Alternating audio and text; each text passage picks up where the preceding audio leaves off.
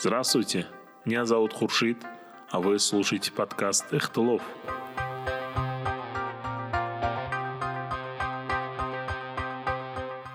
В сегодняшнем эпизоде вы слушаете беседу с международным адвокатом по правам человека, с правозащитником Стивом Свердловым.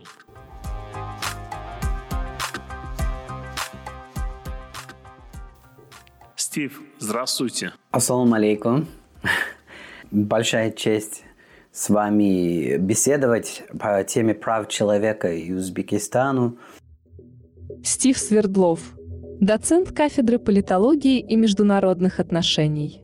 Стив Свердлов в данный момент является профессором прав человека на факультете политических и международных отношений Университета Южной Калифорнии.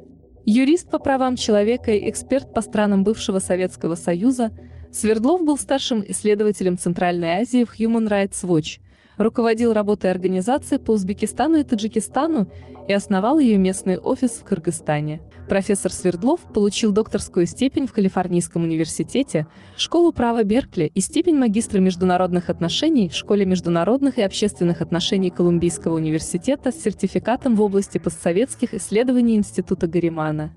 Меня очень интересует ваше мнение об изменениях в Узбекистане. В частности, о нынешних тенденциях по защите прав человека. Но для начала не могли бы вы рассказать, как начали заниматься правозащитной деятельностью и в целом, как вы начали работать в Узбекистане? Я можно сказать, что мое первое знакомство с правами человека в Узбекистане произошло немного странным или, или не совсем прямым образом. Я тогда работал в России с маленькой правозащитной организацией на юге России, которая мониторила этническую дискриминацию национальных меньшинств в России. Я базировался в Краснодаре, в городе Краснодар. Это было, было рано в 2000-е годы, то есть в 2000 году, в 2001 году Тогда я познакомился с такой народностью – турки-месхетинцы. Турки-месхетинцы. Распространены также названия турки, кавказские турки, субэтническая группа турок, происходящая из области Месхетия на юго-западе Грузии. Говорят на одном из северо-восточно-анатолийских диалектов турецкого языка. Верующие исповедуют ислам, большинство мусульмане суннита, ханафитский масхаб. В 1944 году Турки-месхетинцы были депортированы вместе с курдами, хемшилами, грузинами-мусульманами Месской субэтнической группы в Казахстан, Кыргызстан и Узбекистан. Всего было депортировано 115,5 тысяч человек. В 1956 году с месхетинских турок были сняты ограничения по специальному поселению, но возможности вернуться в Грузию им не было предоставлено. Большинство турок-месхетинцев остались в уже обжитых районах Средней Азии и Казахстана – в результате роста этнического напряжения в июне 1989 года произошел погром месхетинских турок в Ферганской долине Узбекистана. Это вызвало массовую эвакуацию турок-месхетинцев из Узбекистана в Россию, Казахстан и Азербайджан.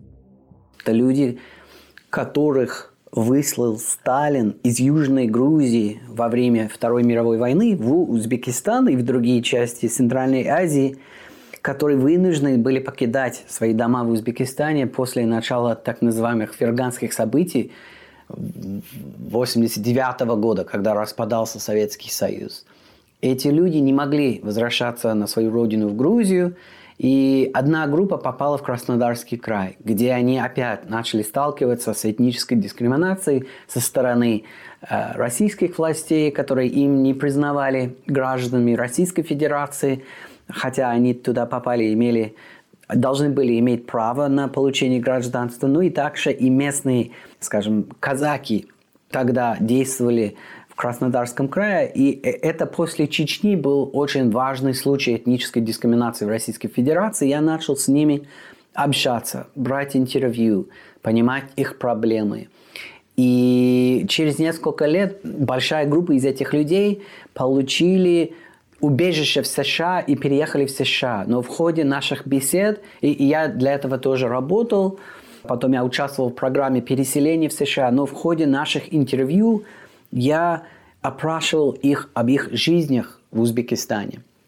Они рассказывали о своих домах здесь. И вот я начал через их глаза знакомиться с Узбекистаном.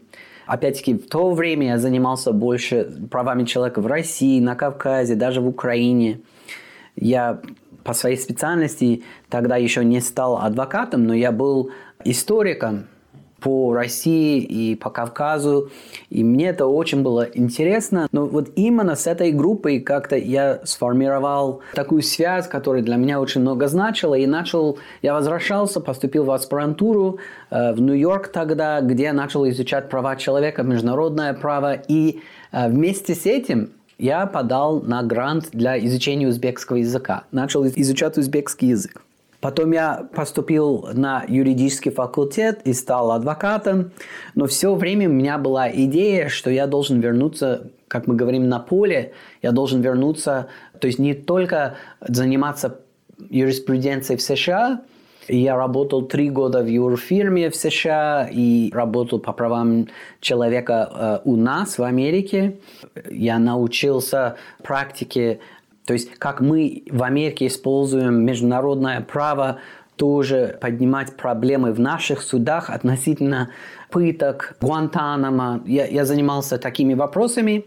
Также и у судьи федерального я был помощником, но все время было в голове такая мысль, такое желание вернуться на постсоветское пространство и помогать. И на самом деле, опять-таки, поддерживать диссидентов, активистов, журналистов, самых смелых людей на постсоветском пространстве, которые в этот тяжелый и интересный период перехода, в кавычках, отстаивали свои права. Я хотел помочь, я хотел и каким-то образом быть полезным. И в 2010 году узнал, что есть такая вакансия в Human Rights Watch именно в ташкентском офисе. Human Rights Watch переводится с английского как «Страж прав человека», неправительственная организация со штаб-квартирой в США, осуществляющая мониторинг, расследование и документирование нарушений прав человека более чем в 70 странах мира. Я, конечно, давно очень уважал Human Rights Watch и знал много там коллег из своей другой работы э, в России, в других э, местах, э, в других ННО, где я работал.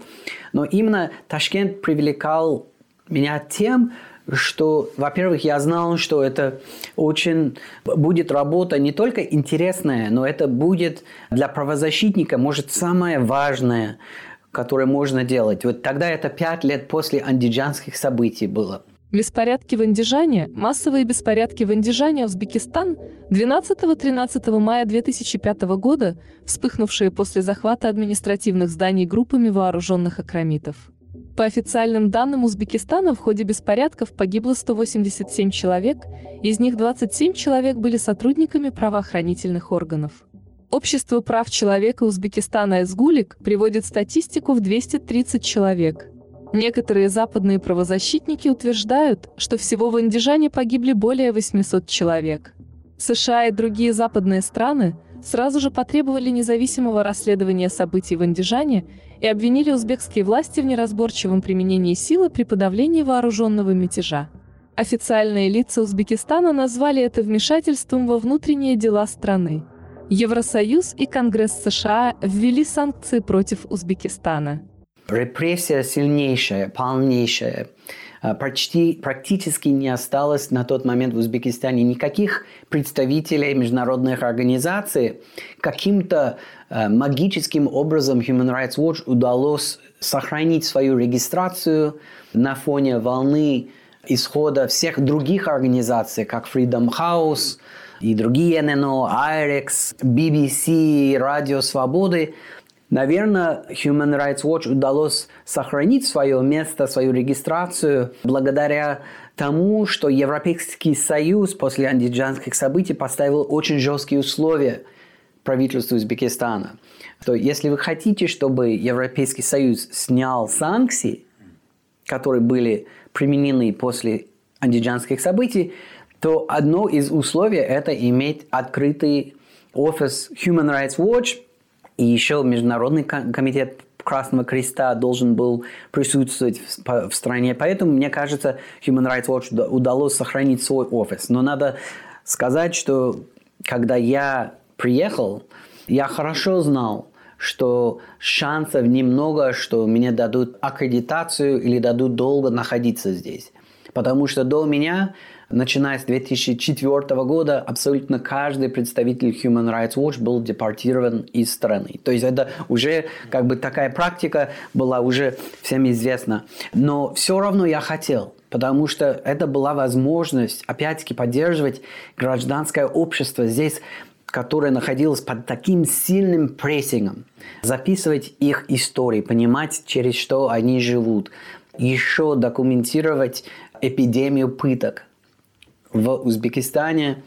И Узбекистан, конечно, к сожалению, стал известным этой эпидемии. В 2002 году были эти очень громкие случаи, которые зафиксировала Human Rights Watch, когда в тюрьмах оказались мертвыми э, заключенными так называемые религиозники, и самым, самым драматическим, самым ужасным образом они погибли в этих местах лишения свободы, а, в том же Джаслыке. То есть для правозащитника это было не только интересно, это было надо. Это было как бы, это была цель жизни попытаться быть свидетелем быть свидетелем, вызов. И, и тем более я, благодаря и спасибо им, туркам-мессетинцам, я уже пришел с большим интересом, уважением к узбекской культуре. Вот эти люди, не будучи этническими узбеками, настолько тепло рассказывали о своей родине, где они проживали с 44 года до 89 что я уже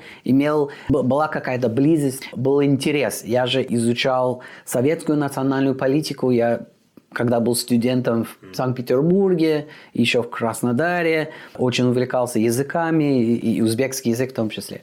Поэтому мой опыт, когда я приехал в 2010 году, я был принят, скажем так, с открытыми руками, если можно так сказать, гражданским обществом.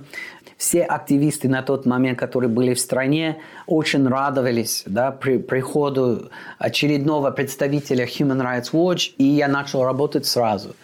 Как ни странно, э, несмотря на то, что Узбекистан был закрыт в политическом плане, теплота активистов и просто ординарных людей была очевидна. И вот с первого дня даже не зная меня лично, гражданское общество действительно сказало, Стив, добро пожаловать. Мы с вами коллеги, мы будем работать вместе.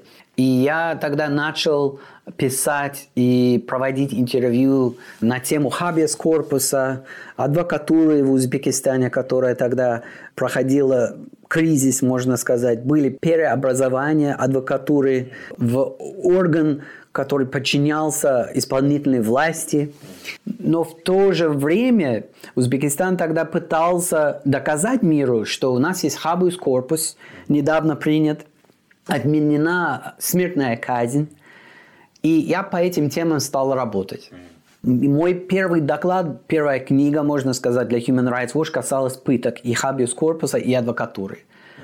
Потом я начал понимать, что все-таки Узбекистан выделялся количеством политзаключенных и религиозных заключенных. И я понимал, что в Human Rights Watch, конечно, мы освещаем тематику, практику, общую практику прав человека, как нарушаются права человека. Мы анализировали в соответствии с международными стандартами, где не соответствовала практика Узбекистана с международными нормами. То есть так как в правоза... международных правозащитных организациях есть и юридический отдел, и мы считаем себя международными адвокатами, так скажем, обычно мы приводим анализ общей практики. Но я начал понимать, что есть нужда помогать конкретным лицам и индивидуальным заключенным тоже в Узбекистане, потому что их количество так много стало. И после Андиджана, но даже и до Андиджана, э, начиная с 99 года, мы начали видеть здесь массовые задержания религиозных, верующих людей и еще политических активистов. Даже если правду сказать, даже э, с начала 90-х, с приходом Каримова во власть, и эти люди их стало больше и больше и больше и больше в тюрьмах и в зонах Узбекистана. И поэтому моя вторая работа это была написать книгу, которая уже отдельно освещала историю разных сиоси махпуслар, то есть политических заключенных. Индивидуальных. Индивидуальных, да, индивидуальных. А, я имею в виду Мухаммед Бекджанова, например, один из самых длительных заключенных журналистов в мире. Он отбывал 18 лет в заключении, был подвергнут страшным пыткам. Также имею в виду Юсуфа Рузумурадова, журналист, который отбывал 19 лет заключения. Но, конечно, на тот момент и в Human Rights Watch, и во всем правозащитном сообществе мы не ожидали, что они когда-либо выйдут на свободу. Это было 2013-2014 год. Но вот что было, конечно, вот здорово, это когда мы начали понимать, что даже, даже на самые репрессивные режимы можно оказывать эффективное давление – и э, с Узбекистаном... А, я, я должен был сказать, что я здесь работал три месяца в 2010 году, занимался своей тематикой по пыткам, и потом получил письмо отказа в аккредитации Минюстом, и был вынужден был э, уже перебраться в Бишкек, где я стал директором офиса Human Rights Watch в Бишкеке. Мы открывали там и начали освещать извне. И мне приходилось уже заниматься Узбекистаном извне и работать с активистами по скайпу тогда и, и вне страны. Это была школа правозащитной деятельности, когда тебя заставляют извне работать, когда тебя депортируют по политическим причинам, еще больше хочется понимать, еще больше хочется вернуться, еще больше хочется поддерживать, наверное. И ты ценишь каждую интеракцию, каждый контакт, который ты имеешь с этой страной я начал, конечно, с того момента мечтать о возвращении. Как можно будет воссоединиться с гражданским обществом и вообще с людьми здесь. Но Опять-таки, это был очень интересный период, потому что э, мы начали, как я сказал, искать возможности и делать исследования, и делать анализы, но и также кампейнинг, также лоббирование. То есть, как можно действовать на ситуацию с правами человека в Узбекистане. Не только отчетами, не только публикацией информации о нарушениях, но и также нужно поймать момент и понимать, где есть рычаги давления. Например, мы узнали, правозащитники, что Гулнара Каримова собирается показать новый бренд, новую моду свою в Нью-Йорке – на так называемый Fashion Week, Fashion моде недели в Нью-Йорке. Это было 2011 год. И мы всеми усилиями пытались связаться с донорами, с организаторами этой Fashion Week. И был контракт, был договор составлен с организаторами Fashion Week. Human Rights Watch в совокупности с хлопковой компанией мы обратились к Mercedes и к другим значительным спонсорам этого мероприятия и сказали – мы считаем нецелесообразно и аморально включать тогда посла Узбекистана в Женеве Гулнару Кариму в это шоу, когда одновременно заставляют детей и взрослых выходить на поля и собирать хлопок, который, вот, возможно, входит в эту одежду, которую она показывает миру. И, конечно, сразу они нас не прислушались, нам приходилось через СМИ давить. Не только через New York Times, не только через Washington Post, но через самые желтые э, э, публикации Нью-Йорка как мы говорим, таблоид, самые, самые связанные с попсой, с звездами. И когда они узнали, что вот оказывается такая экзотическая история, они об этом писали, и вот уже появилось давление. И я тогда, когда ее выгнали из этого шоу, на меня начали выходить узбеки в Нью-Йорке или в других частях мира, которые благодарили активистов гражданского общества за то, что мы обратили внимание на реальной жизни. Вот они вспоминали, как их заставляли собирать хлопок, как это было им неприятно, как это было тяжело. И они выразили солидарность.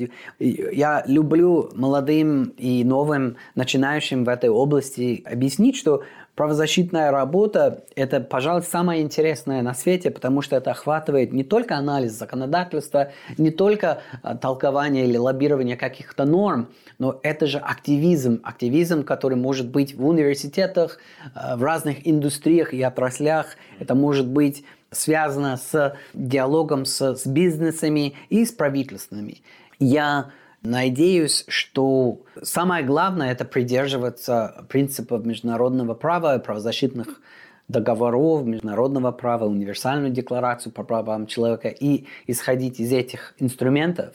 Я долго рассказываю про свое начало, да, но вот извне уже в Бишкеке и в Алматы, и в Киеве, и в других местах, и в Стамбуле я начал, я продолжал свою деятельность. Мы писали о политических заключенных, выпустили – и вот забегая вперед немного, когда приехал в Ташкент в мае 17 года Верховный комиссар по правам человека уже при Мирзиеве Зейд Ал-Хусейн, он поднял тогда вопрос с правительством о возвращении Human Rights Watch и BBC и других критических голосов в страну.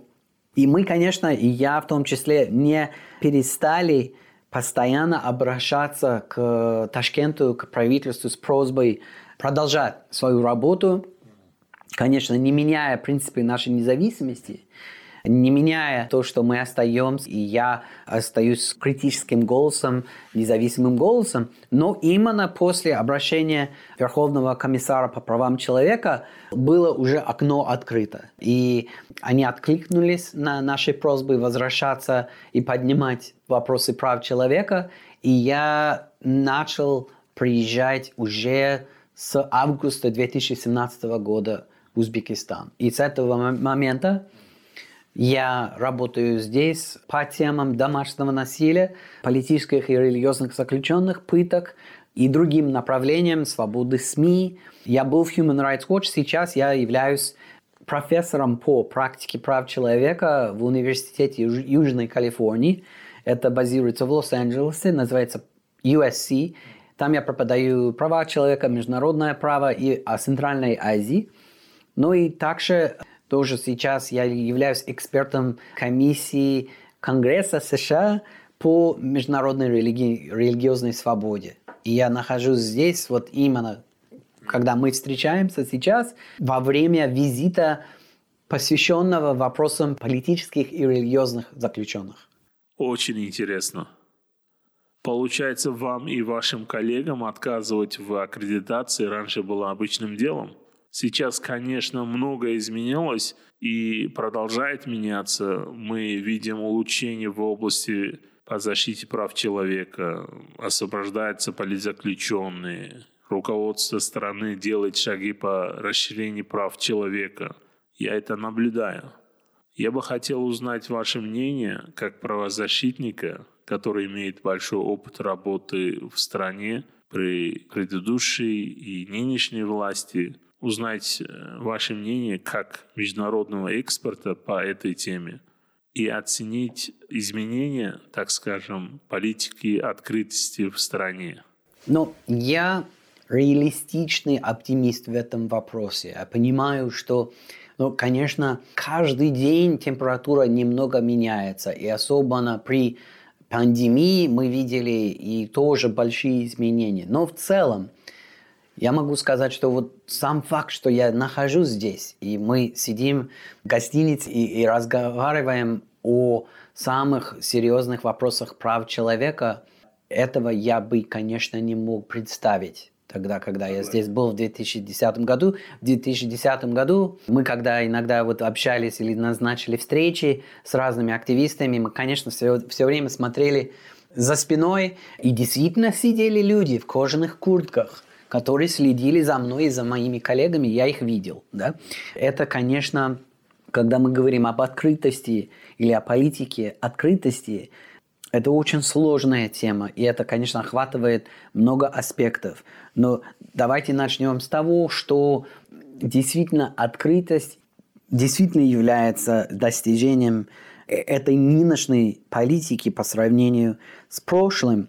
Действительно, мы видели разблокировку многих сайтов, мы видели рост динамичной журналистики, местной журналистики в Узбекистане, которая, опять-таки, корней своей, по сути дела, не могла бы осуществлять свою деятельность раньше. То есть, наверное, именно в области свободы выражения и свободы СМИ. Пожалуй, самое большое достижение этого периода – это в том, что самые журналисты очень смело себя ведут, многие из них, да, вот надо сказать, Кун Уз, Калампыр Уз, газета Уз, они действительно значительно менялись, действительно, ну, я думаю, когда начали выходить на свободу политзаключенные, включая журналистов, но действительно это был момент надежды. И я стараюсь все время придерживаться к этой надежде и поощрять правительству Узбекистана все-таки держаться за ту политику открытости, хотя это с большими трудностями происходит, но, но все равно надо признать, что сейчас больше проблема с самой цензурой, да, чем, скажем, открытая цензура. Хотя мы видим давление на СМИ, и мы об этом поговорим э, даже на днях, это в конце ноября 2020 года мы видели шаги агентства печати и СМИ, или вот новое название как будет, массовых коммуникаций, Агентство, да, агентство массовых, массовых информации и массовой коммуникации при администрации президента. президента. Э, Мы видели, что они отправляли письма, которые угрожали разным газетам и медийным изданиям, даже, может быть, с закрытием или с другими последствиями, если они будут продолжать критически освещать события связи с отключением газа, света, электричества и другие проблемы. Это, конечно, я оцениваю как давление на СМИ официальными органами, и это напоминает, конечно, прошлые времена. Будем надеяться, что правительство очень быстро сменит курс. И я давно хотел бы видеть, чтобы сам президент вышел и организовал пресс-конференцию, которую мы еще не видели за, за последние четыре года. Хотя мы видели, конечно, много высказываний, много риторики о поддержке блогеров, о поддержке журналистов. И это чувствуется, что есть какая-то политическая воля в этом направлении, но должна быть свободная, интерактивная, критическая, живая пресс-конференция между главой государства и журналистским сообществом. Этого еще не было, мы еще этого не видели. Но, конечно, по сравнению с Каримовским периодом, свобода выражения, свобода слова в Узбекистане, конечно, намного больше. Опять-таки, приход в страну Human Rights Watch, других правозащитных организаций, это очень хорошо, хотя опять, может, это немного в сторону ухожу, но я думаю, они связаны то, что не получили регистрацию и не могут получать регистрацию многие международные организации, которые вернулись, это о многом говорит. Это говорит о том, что наследие или влияние спецслужб еще сильное, и наследие страха еще сильное, может быть, в мозгах каких-то чиновников. И с этим надо действительно порвать, надо обязательно, вот мы видим, что и американское правительство в своих двухсторонних переговорах о правах человека с Узбекистаном именно подчеркивает эти моменты. Да, отсутствие регистрации, отсутствие э, легального поля для деятельности критических организаций. Мы видели, за последние четыре года, например, получила регистрацию только одна новая критическая правозащитная группа, организация, э, называется Хукуки Таянш. А сама Фармонова, да? Да, с которым вы беседовали, да. Но другие активисты, например, Акзам Тургунов, бывший политзаключенный, уже пятый или больше, если я не ошибаюсь, наверное, когда выйдет наш подкаст, уже больше будет, э, получил отказов как минимум пять раз на открытие своей организации. И это, конечно, очень настораживает всех из нас, которые говорим о политике открытости, потому что все-таки открытость – это одно, разблокировать интернет – это одно, а другое – это создавать поле и пространство, где постоянно могут находиться здесь организации, где постоянно могут выражать критические позиции и СМИ, и правозащитные организации. Этого еще нет. Еще, конечно, вот за период пандемии мы еще видели как мы говорили сейчас, усиление немного давления на СМИ, Вы писали об избиении журналиста, хотя это не несет системный характер. И, к счастью, по моим данным, сейчас не находятся в заключении журналисты, все вышли. То есть в основном, когда я говорю о политических или о религиозных заключенных, я имею в виду лиц, которые в основном попали за решетку и в тюрьму очень давно, и которые еще не вышли по статьям, связанным с экстремизмом. Но и мы также видим другой класс политически мотивированных э, заключенных в связи с обвинениями в шпионаже. Мы видим в их случаях, что еще до сих пор в Узбекистане, мы говорим об открытости, да, что до сих пор существует параллельная судебная система военная, которая полностью закрыта, где регулярно получаем факты и сведения, к сожалению, о недопуске или о недоступе к адвокатам. Ну, я имею в виду, что попадает задержанное лицо в СГБ, и 4 месяца он не может общаться со своим адвокатом. Это мы видели, э, к сожалению, за последние два года, за последний год. Есть, может, 4, 5, 6 таких дел, о которых сейчас мы выражаем обеспокоенность. Это еще не открытость, это далеко не открытость. Когда мы видим, что существует такое параллельное пространство в судебной системе. Но все-таки меня очень обнадеживает активность СМИ здесь. Я был наблюдателем на выборах в декабре 2019 года. И при всех своих минусах, при том, что отсутствовали оппозиционной партии на выборах, все равно вот что обнадеживало, что радовало, да, это было то, что журналисты задавали на дебатах очень критические и смелые вопросы о коррупции, о загрязнении окружающей среды, о диктатуре, о том, как нельзя возвращаться к этим временам. И они были из разных изданий. Мне кажется, нам нужно просто очень сильно поддерживать независимых журналистов и тех, и даже из госизданий. Нам нужно найти способы поддерживать их и, конечно, настаивать на том, чтобы Узбекистан уже как член Совета ООН по правам человека соблюдал, уважал свои обязательства по международному праву. То есть, когда мы говорим об, об открытости, опять есть статья 19 Международного пакта о гражданских и политических правах.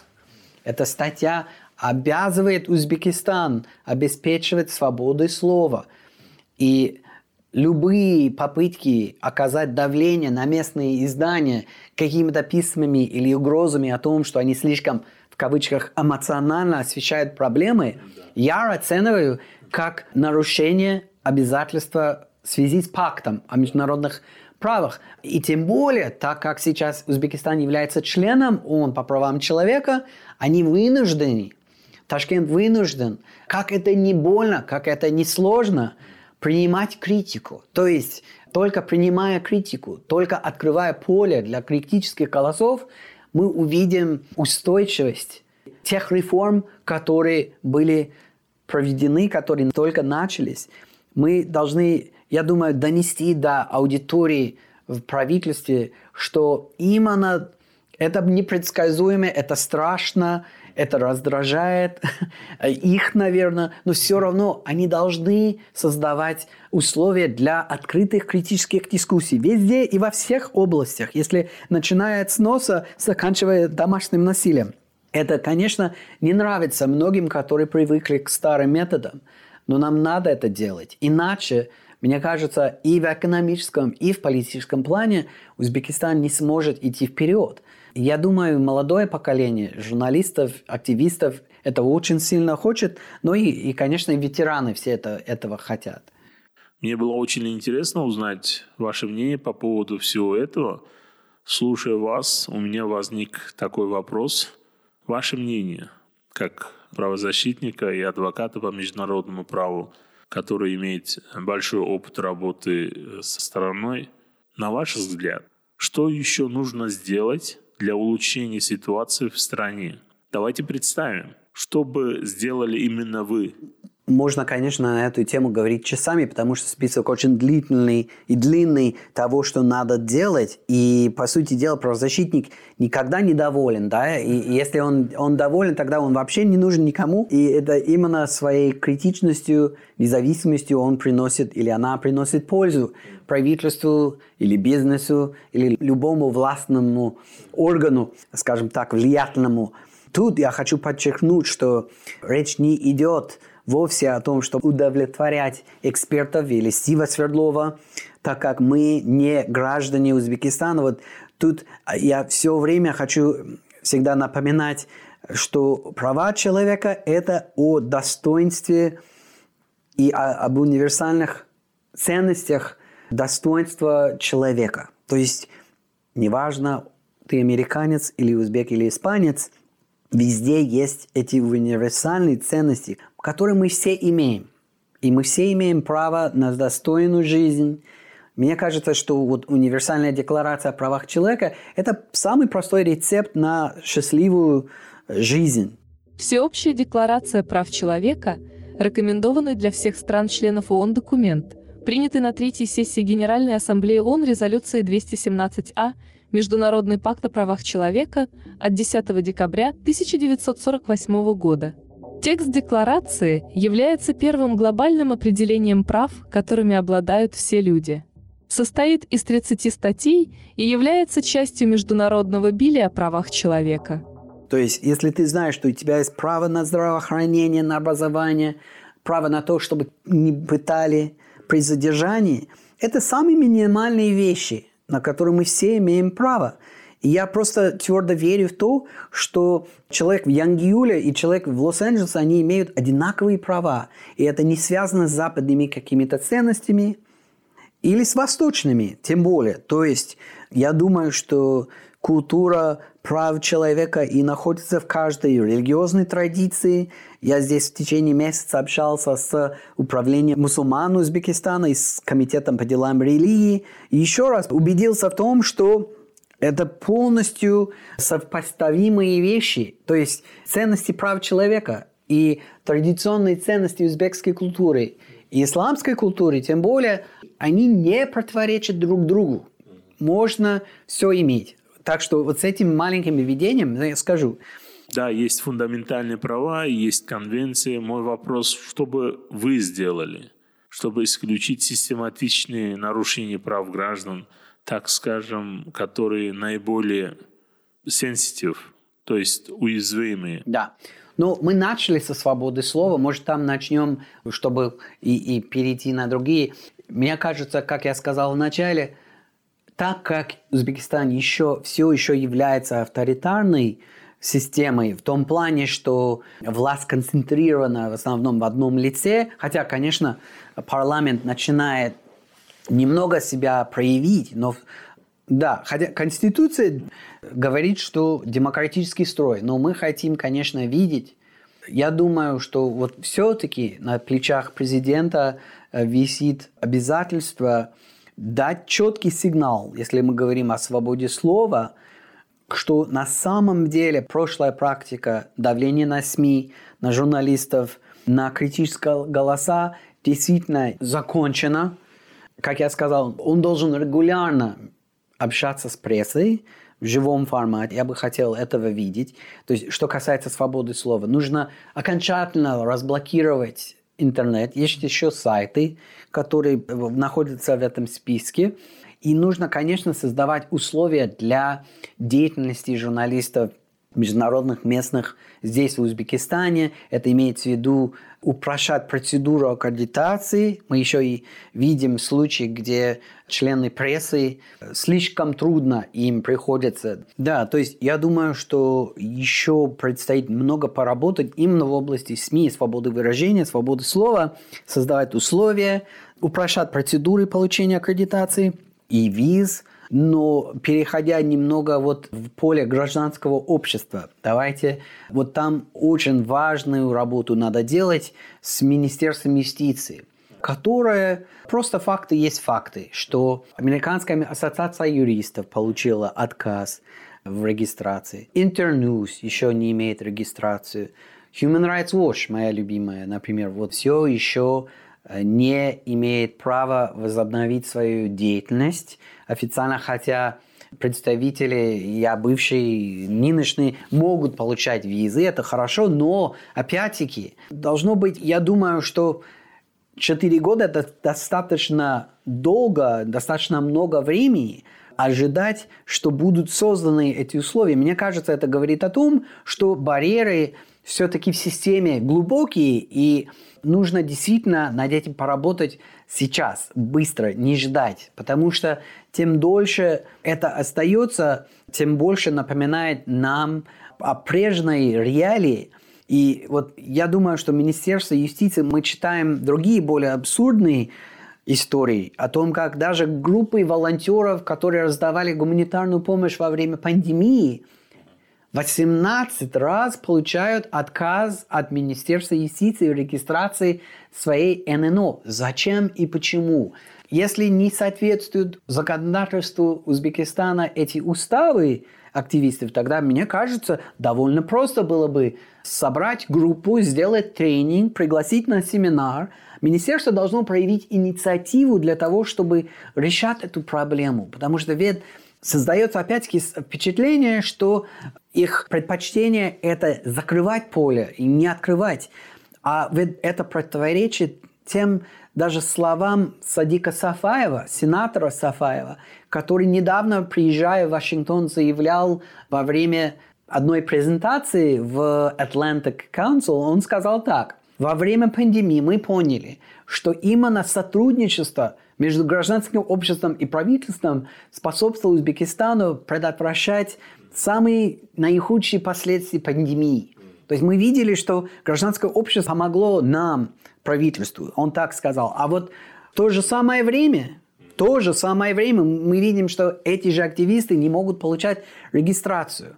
Простой волонтерском организации по оказанию помощи, это не какая-то не политическая. Это не политическая, да. это даже не чувствительная. Да. То есть там вот действительно нам всем надо задать себе вопрос, зачем спустя 4 года мы все еще видим такие системные структурные проблемы в области гражданского общества. Еще мы слышим то же самое от адвокатуры. Вы проводили беседу с уважаемым э, правозащитником и адвокатом Сергеем Майоровым. Мы знаем, что еще в мае этого года были предложены рекомендации об усилении адвокатуры правительству. То есть была создана рабочая группа, и они разрабатывали рекомендации, как сделать юридическую профессию, как ее приводить в соответствии с международными стандартами, которые настаивают на том, чтобы она была отделена и независима от исполнительной власти. Ведь в Узбекистане до сих пор адвокатура под контролем, можно сказать так, исполнительной власти тем, что Министерство юстиции предлагает кандидатов на пост главы палаты адвокатов. Я об этом писал 10 лет назад. Я об этом писал 10 лет назад. И хотелось бы верить, хотелось бы видеть, что правительство это понимает, ведь они принимали спецдокладчика по адвокатуре, по судам э, в страну, это очень хорошо. Он был здесь, может, две недели, со всеми встречался, но важно довести до логического конца эти рекомендации мы видим более выборочные сдвиги вперед. Мы видим, например, закрытие Джаслыка. Жаслык – официальное наименование, специализированная колония по исполнению наказания номер 19 МВД Республики Каракалпакстан, тюрьма в северо-западной части Узбекистана, известная жестоким обращением и применяемыми там пытками в отношении находящихся там заключенных. Расположена около одноименного поселка городского типа в Кунградском районе Каракалпакстана, 300 километров от Нукуса – 180 километров от Кунграда. 2 августа 2019 года президент страны Шавкат Мирзиев своим постановлением инициировал процесс ликвидации тюрьмы. Это очень хорошо, конечно, что закрылся. И во время своего визита э, сейчас я убедился, что он на самом деле закрылся. Как вы это убедились? По крайней мере, на наши официальные запросы, э, на вопросы комиссии Конгресса США, закрыть ли джаслык или переобразовывается и будет он использоваться как СИЗО, ответили очень окончательно нет. Не будет СИЗО, не будут там содержаться никто, и никто там не содержится.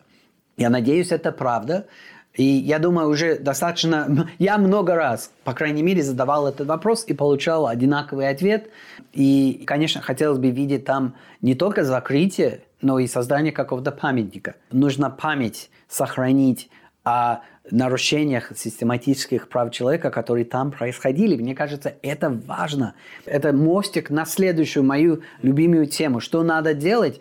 Давайте будем не только правозащитниками, но будем историками в то же самое время. Чтобы реформы состоялись, чтобы они были устойчивыми, как я говорил в предыдущем своем ответе, нужно иметь критические неудобные для властей дискуссии. И я что имею в виду? Я имею в виду, что те сиоси махпуслар, политические заключенные и другие жертвы прав человека, которые испытывали на себе пытки и другие формы заключения неправомерного, они должны иметь право говорить об этом в системном формате. Здесь может быть при парламенте, может на телевидении. То есть это, конечно, узбекскому обществу выбрать подобный формат, но мы не видели последние предыдущие вот с начала независимости до смерти Каримова не было возможности говорить открыто. И очень важно составить учебник современной узбекской истории, чтобы, во-первых, это не забылось, и чтобы мы могли на базе этой информации строить политику. Ведь да, очень важно и очень хорошо, что есть политическая воля наверху проводить реформы. И я один из тех людей, который приветствует много чего делается в этом плане, но этого недостаточно, если, опять-таки, как мы говорили, если гражданское общество не будет прочно стоять на ногах, ничего не получится. Но и так же, если мы забудем и не учтем истории ординарных жертв нарушения прав человека, если мы их истории не изучим, если мы не будем рассказывать о них своим детям, если не будут на телевидении никаких дискуссий, никаких бесед, о роли СГБ или об истории андижанских событий, или о той очень горячей кампании задерживать верующих в Ферганской долине и в Ташкенте после бомбежек 99 -го года в феврале в Ташкенте. Террористический акт в Ташкенте произошел утром 16 февраля 1999 года. Всего взорвалось шесть взрывных устройств в разных частях города за небольшой промежуток времени. Целью атак явились ключевые правительственные объекты, в том числе здание Кабинета министров Республики Узбекистан на площади независимости, Мустакилик-Майдани, где террористы взорвали автомобиль, начиненный взрывчаткой, около одной из V-образных опор здания с целью обрушения его крыла. В это время в здании должно было начаться заседание Кабинета министров – на котором планировалось присутствие президента страны Ислама Каримова. Было убито 16 и ранено более 100 жителей города.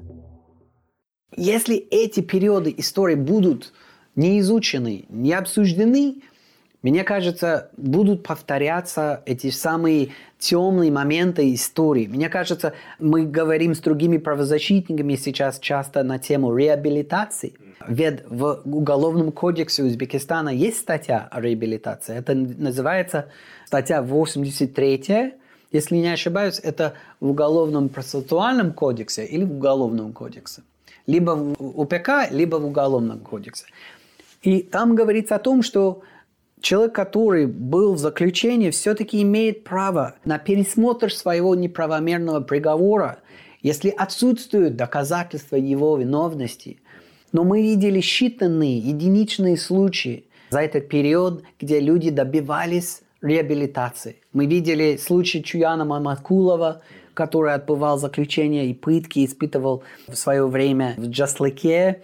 Он, выходя из тюрьмы в 17 или 18 году, добился пересмотра нового судебного процесса. Добился он финансовой компенсации, добился того, что признали, что было сфабрикованное дело против него, были подброшены нелегально наркотики. Он правозащитник в Карши, он очень интересный и смелый активист, но он добился компенсации.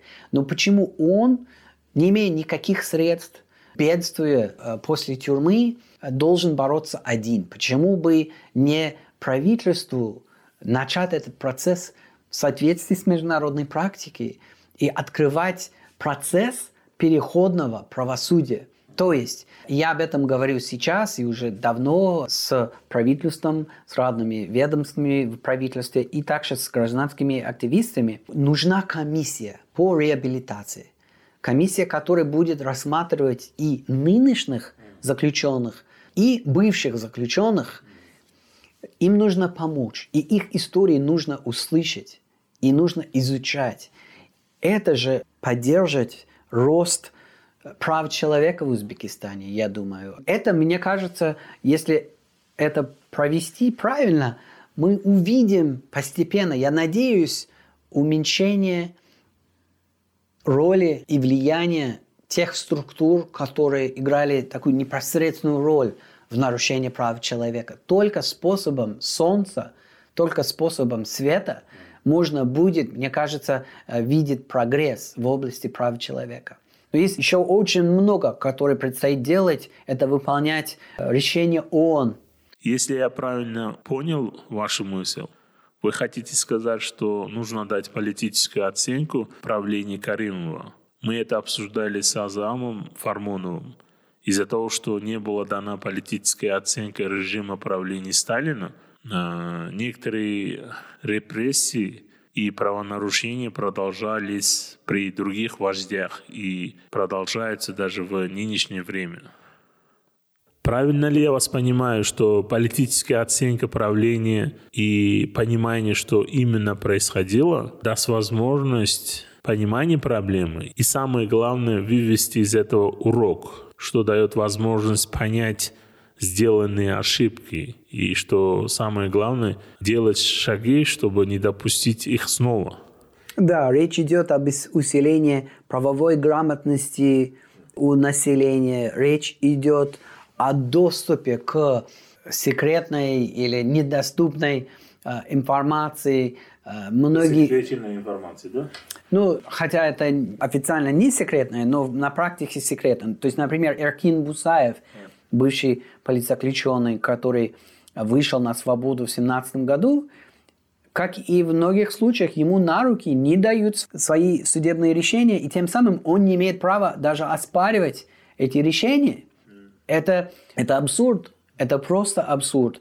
То есть, да, конечно, мы, правозащитники, приветствуем освобождение лиц, которые должны были давно выйти на свободу. И у них очень много нужд плане медицинской помощи, в плане экономической. И, конечно, при каждой возможности, когда я встречаюсь с правительством, и мы говорим на эту тему, они, конечно, подчеркивают, что есть определенные госресурсы, направленные на интеграцию, реинтеграцию в общество или устройство на работу, даже для тех самых религиозных заключенных, которые выходят. Но этого далеко недостаточно, особенно когда эти люди, в первую очередь, многие из них э, нуждаются в признании неправомерности, незаконности их задержания, их заключения. И только вот этим способом, да, как вы сказали, мне кажется, мы предотвратим то, что новые будут жертвы каких-то политических репрессий, если мы и помогаем им, и их богатыми историями преподаем другим, а, что случилось, как вели себя правоохранительные органы, какие-то определенные моменты. Это же между собой, вот нынешний период, прежний период, они очень тесно связаны.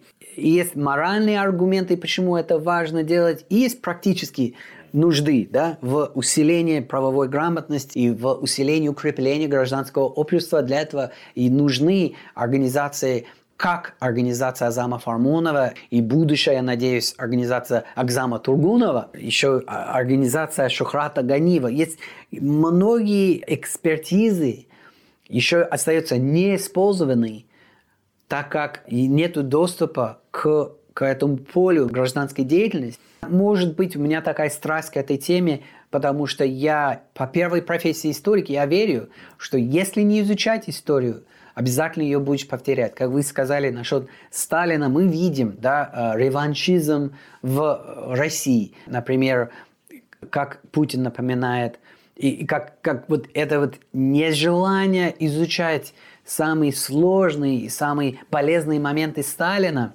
во многом способствовало тому, что демократизация и открытость так и не произошла в Российской Федерации. Хотя мы видели, что Западная Германия, как это не было больно и, и сложно, они открывали музей после конца железной занавеси, например, они вместе с бывшей Восточной Германией, когда объединились две Германии в одну страну, они нашли здание спецслужб в Берлине, превратили это в музей, где граждане могут посмотреть на аппараты и оборудование прослушки, они могут прийти, посмотреть на папки, где хранились информации о них, об их домах, как за ними следили, как иногда запугивали их соседей, это очень важно, потому что вот это опять-таки медицина сложная, ее сложную принимать, но мы же видим, что, во что превратилась Германия.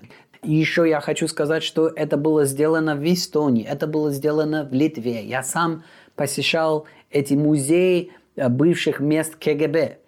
И это способствует тому, чтобы молодежь и остальные вели себя более смело, более открыто. Это, мне кажется, то, о чем говорят здесь часто представители властей в Узбекистане. Они же хотят, чтобы люди были грамотные, поднимали свои проблемы, не были пассивными, осуществляли свои права. Но для этого же нужно делать э, во-первых, нужно дать сигнал, что мы готовы на самом деле все открывать, обсуждать открыто. Мы не боимся критики.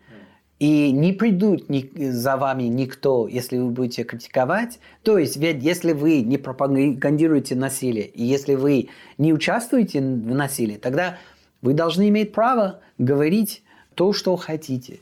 Это все-таки я, я долго на эту тему говорю, но я хочу сказать, что мне кажется, есть политическая воля проводить реформы, но иногда, мне кажется, она не связана с признанием самых трудных или чувствительных моментов, которые стоят в корне проблемы. Наша задача, мне кажется, как правозащитники, это все-таки напоминать, что международное право этого требует. Все-таки требует открытости и требует реабилитации. Реабилитация, перемирие – это является обязательством Узбекистана.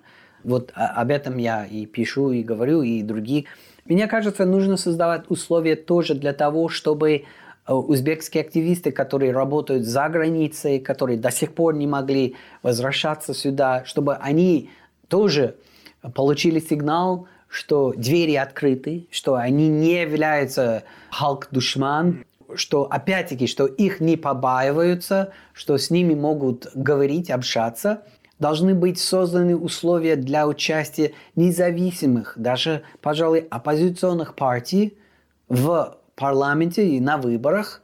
Мы ожидаем, будут президентские выборы в предстоящем году. Я с вниманием слышал высказывание сенатора Сафаева о том, что эти выборы будут произведены совершенно иначе, совершенно по-другому, чем предыдущие. Это, наверное, подразумевает то, что будет свободный доступ – к этим выборам.